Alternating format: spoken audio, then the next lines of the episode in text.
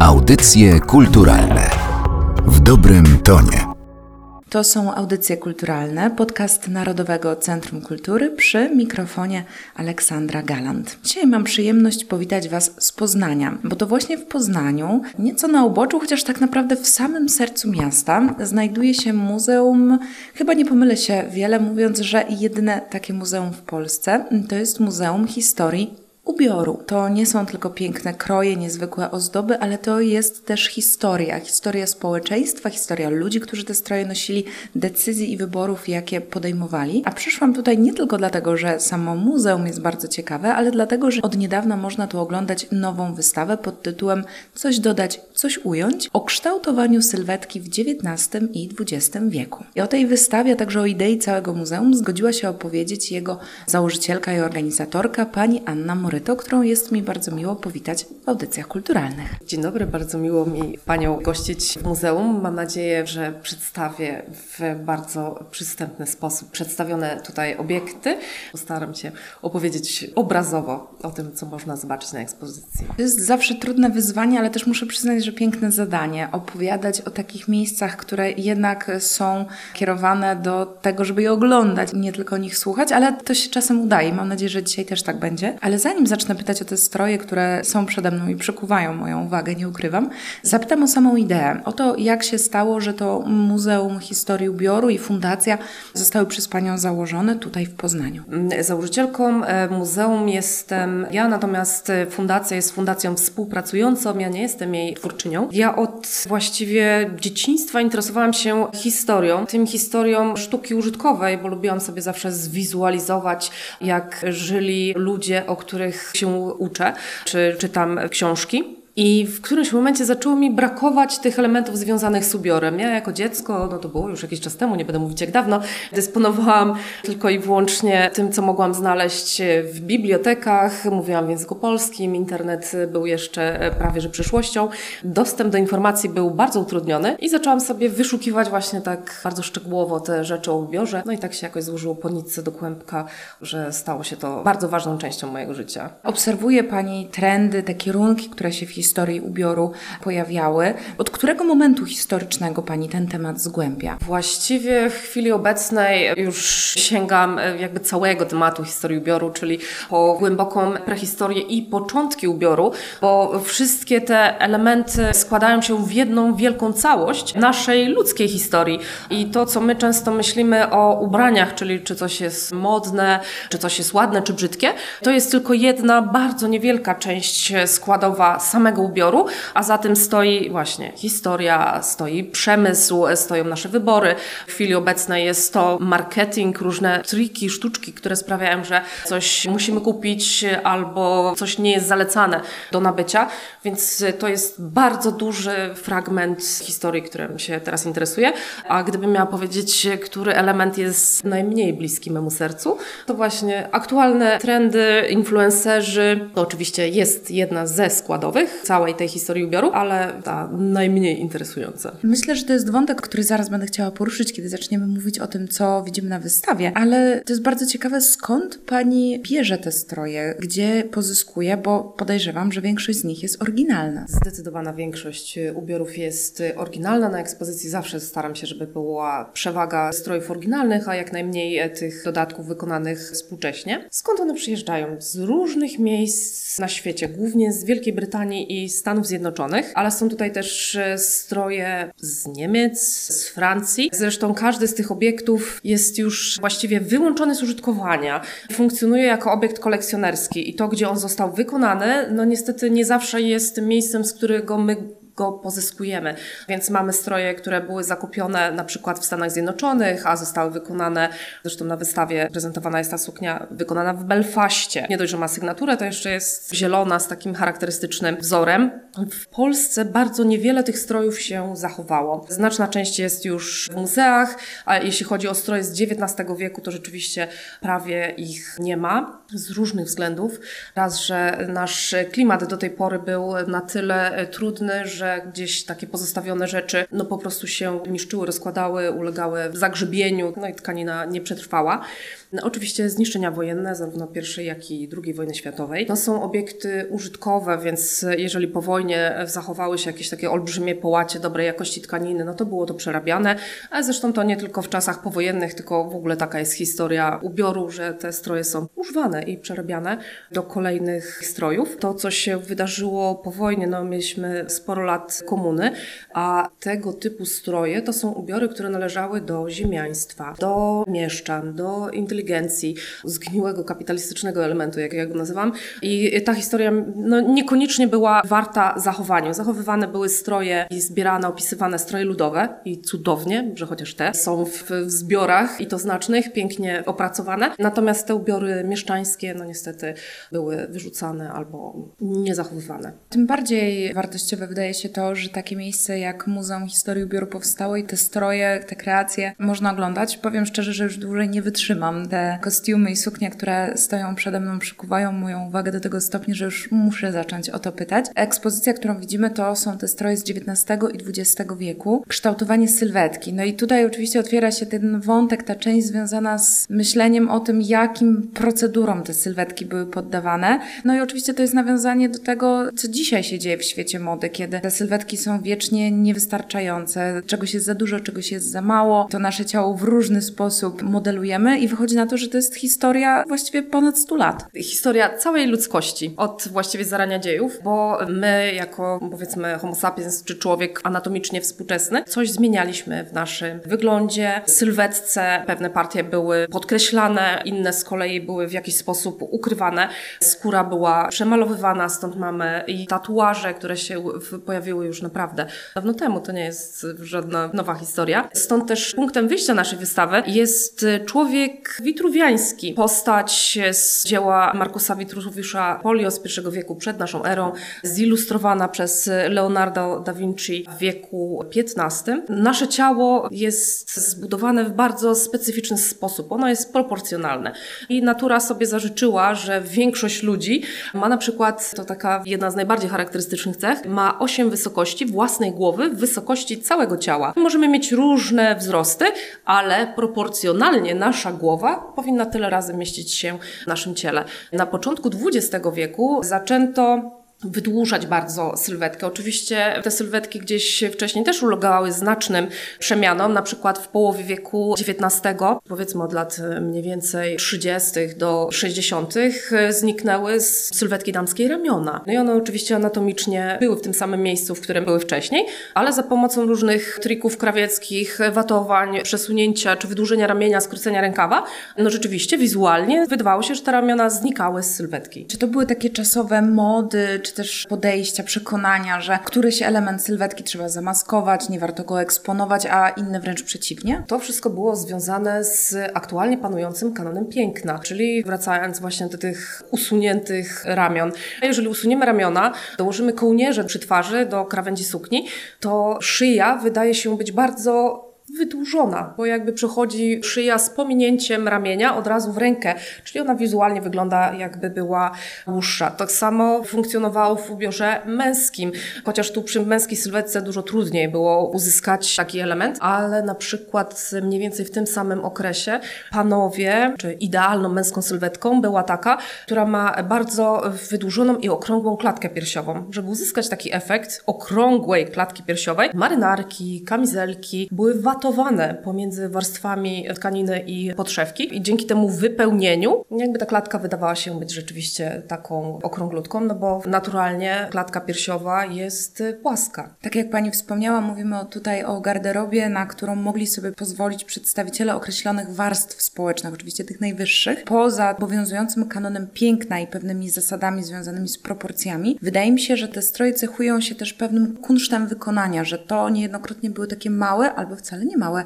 dzieła sztuki. Zdecydowanie to były dzieła sztuki, zwłaszcza jeśli chodzi o te ubiory rzeczywiście należące do grupy osób zamożniejszych. To jakby siłą rzeczy te grupy bardziej uprzywilejowane mogą sobie pozwolić na zdecydowanie więcej, ale szczerze, te stroje, które są wykonane powiedzmy z nieco niższej jakości tkanin, z mniejszą ilością dekoracji, są równie pieczołowicie wykonywane, ponieważ taki strój miał długo trwać. Trudno w ogóle jest się odnieść do tego użytkowania stroju na przykład w wieku XIX, bo my funkcjonujemy w zupełnie innych warunkach. Te stroje w wieku XIX, jeszcze na początku XX, one były użytkowane bardzo długo. W związku z tym musiały być ubiorami wykonanymi bardzo dobrze, żeby po prostu były łatwe w konserwacji.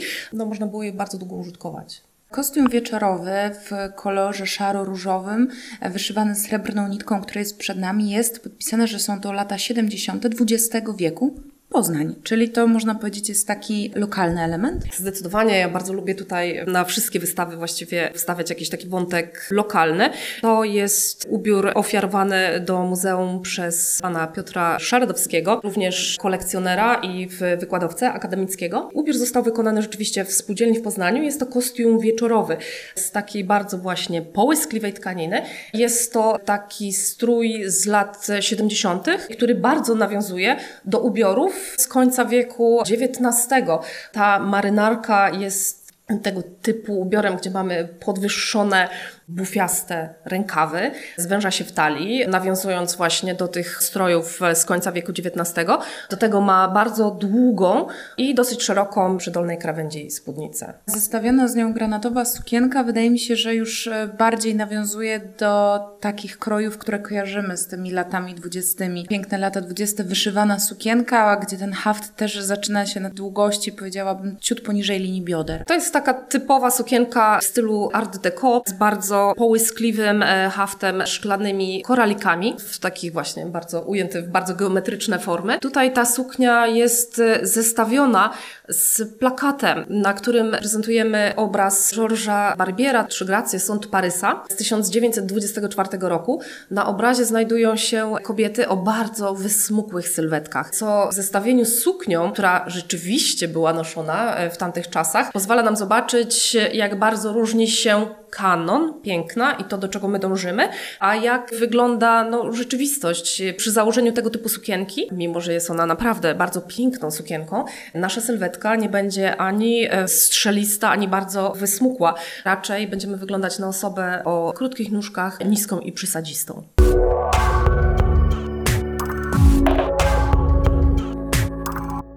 Czy możemy przejść dalej do kolejnego muzealnego pomieszczenia?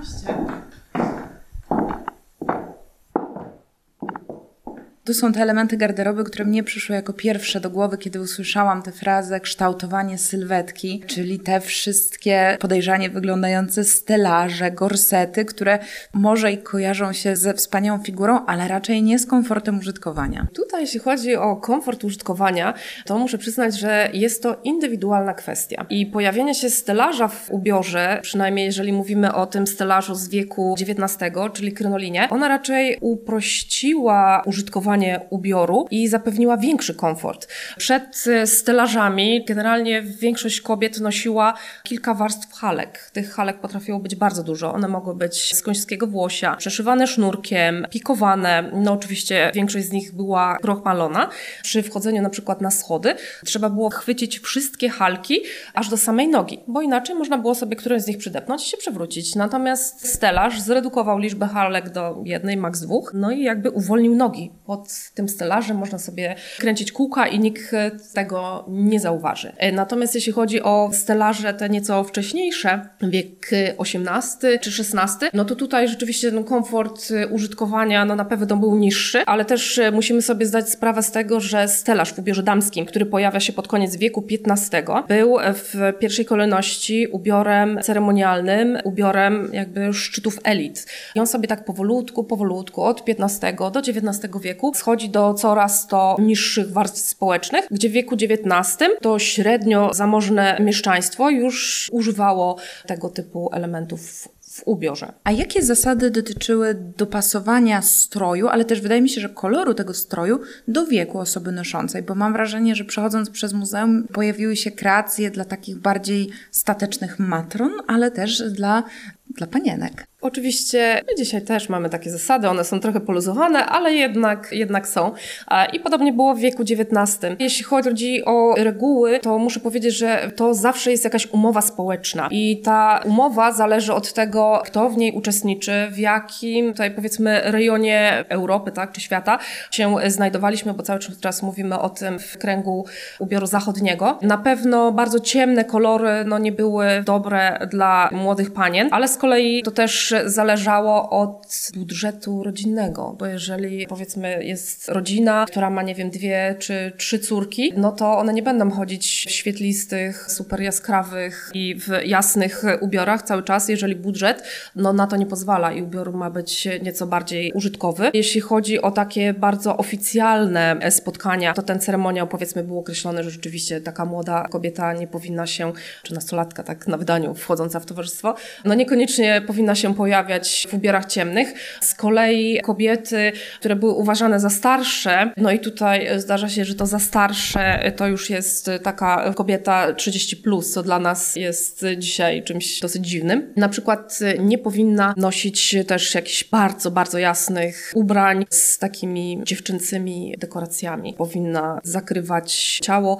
tak żeby jak najmniej pokazywać tych życiowych zniszczeń. Z perspektywy wieku XIX, no to było może nie tyle logiczne, no ale powiedzmy dopasowane do tamtych czasów, no bo też średnia wieku była no, nieco niższa niż aktualnie. Rozglądam się po sali, w której teraz jesteśmy i oczywiście moją uwagę przypomina coś, co y, jako laik nazwę takim ogonem, który pojawia się przy jednej z sukien, który pewnie znamy z różnych historycznych filmów czy też obrazów. Czym jest ten ogon i pewnie jak to się profesjonalnie nazywa? Profesjonalnie nazywa się to e, trenem. On jest bardzo krótki. Potrafią być te treny dużo dłuższe. To jest e, strój z początku lat 70., gdzie nawet e, w ubiorach dziennych ten tren właśnie w takiej niedużej formie się pojawiał. W ubiorach wieczorowych oczywiście on był dużo dłuższy. Na samym skraju sali znajduje się element mody męskiej, bo o tym właściwie najmniej dzisiaj mówiłyśmy. Mamy niewiele tych obiektów z ubioru męskiego na ekspozycji. To jest wyjątkowo ciekawy mundur urzędniczy. Coś, co dzisiaj już jest zapomniane właściwie. To jest mundur urzędniczy Sejmu Śląskiego. Cały czas trwają poszukiwania dokładnego stanowiska, jakie piastowała. Mundur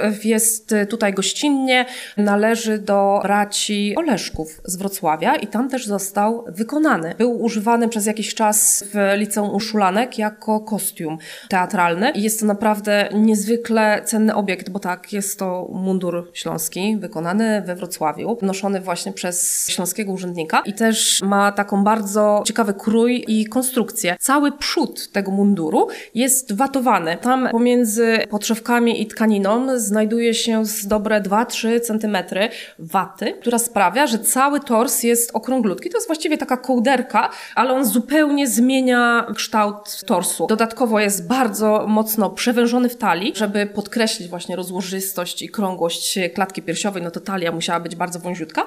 No i oczywiście do tego, jeżeli dołożymy y, rozłożyste biodra, no to ten efekt jest jeszcze bardziej podkreślony. To jest mundur z połowy wieku XIX, gdzie ideałem męskiej sylwetki była właśnie taka z okrągłą klatką piersiową, z bardzo szczupłą talią, szerokimi biodrami i nogami zwężającymi się do bardzo wąskich i wysmukłych stóp. Oczywiście to jest ideał, do którego dążono, bo mundur wcale nie należał e, do jakiegoś bardzo kruchego i drobnego mężczyzny, no ale tutaj to watowanie jakby idealnie nadaje ten właśnie okrągły kształt.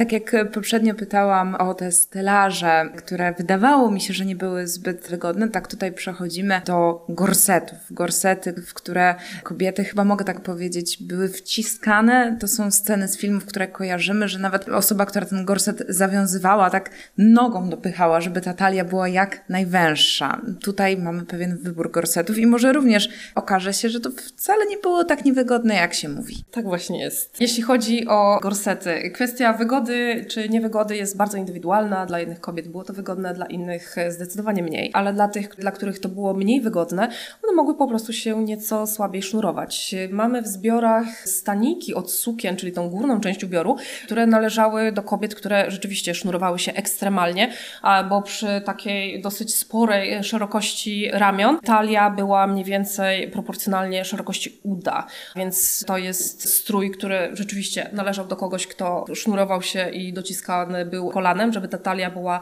jeszcze, jeszcze mniejsza. Gorset oczywiście ma swoich, czy zawsze miał i swoich zwolenników i przeciwników i tutaj ta sytuacja się nie zmieniła do dzisiaj. Na pewno pod pewnymi względami gorset nie jest elementem, który sprzyjał zdrowiu kobiety. Z drugiej strony trzeba przyznać, że na przykład może stanowić wsparcie dla kręgosłupa w określonych sytuacjach, więc te zdania na pewno są podzielone. Dobrze, że my gorsetów nie nosimy i mamy to możliwość, że jeżeli chcemy, to możemy je założyć, a jeżeli nie mamy takiej ochoty, to nie musimy. Taką możliwość mieli mężczyźni w wieku XIX, bo tutaj panie, no to obligatoryjnie w pewnej sferze już społecznej nosiły gorsety, natomiast panowie mogli zdecydować, czy ten gorset będą zakładać, czy też nie. Wiele gorsetów było noszonych przez mężczyzn właśnie w tej już wspomnianej pierwszej połowie wieku XIX, no bo tutaj, żeby klatka piersiowa była właśnie taką bardzo rozłożystą i wypiętą, no to watowań możemy dodawać tylko do pewnego punktu. Powyżej tego punktu musimy zastosować jakby kolejny krok, czyli odjąć coś stali. No i tutaj idealnie temu służył właśnie gorset. Kolejny taki wzrost użytkowania gorsetów u panów to przełom wieków XIX i XX. Głównie panowie wojskowi, oficerowie nosili gorsety, co dzisiaj z naszej współczesnej perspektywy może się wydawać czymś dziwnym. Podobnie dzieci nosiły gorsety, gorseto kaftanik właściwie należałoby tak to ująć, od momentu, kiedy nauczyły się chodzić. To był taki element ubioru, który miał szeleczki, czyli trenował postawę. To wcale nie było aż takie negatywne dla zdrowia dziecka. No i oczywiście część tych gorsycików, kaftaników, bo one były miękkie, miały bardzo niewiele usztywnień, była częścią składową reszty ubioru. Na przykład dopinano do takiego kaftanika spodenki, albo spódniczki, albo majtki.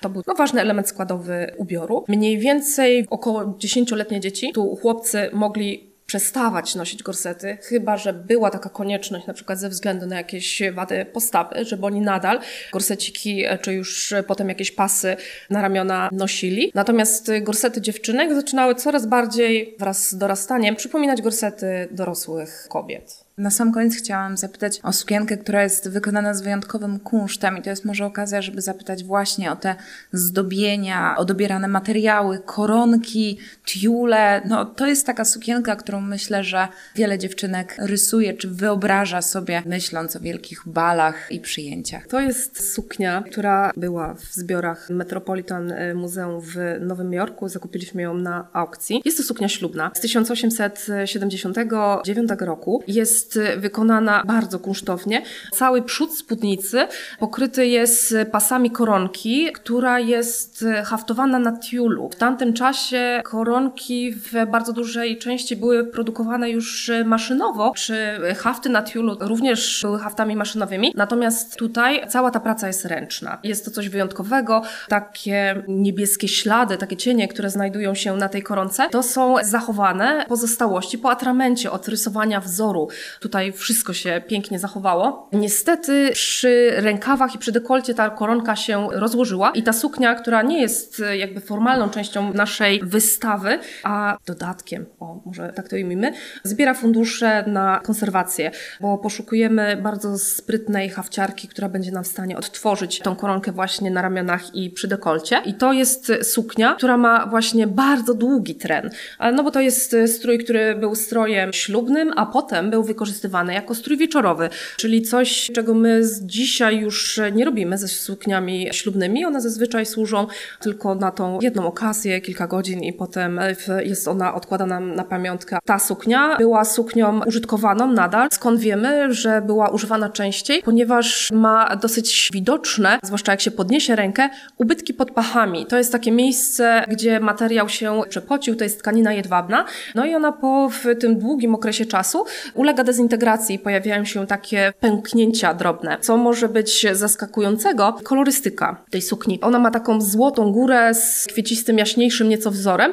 natomiast dół jest wykonany z kremowej satyny. Dla nas to nie są kolory ślubne, natomiast w wieku XIX jak najbardziej to był ubiór ślubny, co więcej, on był traktowany właściwie jako ten ubiór biały. Gdyby jeszcze zamienić tą część złocistą z kwiatkami, ale całkiem na satynę, to w ogóle byśmy powiedzieli, że to jest biały ubiór. Białe suknie ślubne pojawiają się, czy jakby zyskują popularność na początku wieku XIX. Jak słyszycie, stroje panujące mody i trendy są w dużym stopniu odwzorowaniem i nastrojów społecznych, ale też tego, co się w świecie, w danym kraju działo. I to jest kolejny powód, dla którego zachęcam Was do tego, żeby Muzeum Historii Ubioru w Poznaniu odwiedzić, przekonać się, jak kształtowano sylwetkę, jakie walory eksponowano, co raczej chowano, jakie stosowano tkaniny i jakie wymyślano zabiegi, żeby ten strój był jak najbardziej aktualny i dostosowany do panujących trendów. Na pytania związane z historią ubioru odpowiadała dzisiaj pani Anna Moryto, organizatorka Muzeum Historii Ubioru. Bardzo pani dziękuję za to spotkanie. Dziękuję bardzo. Audycje kulturalne w dobrym tonie.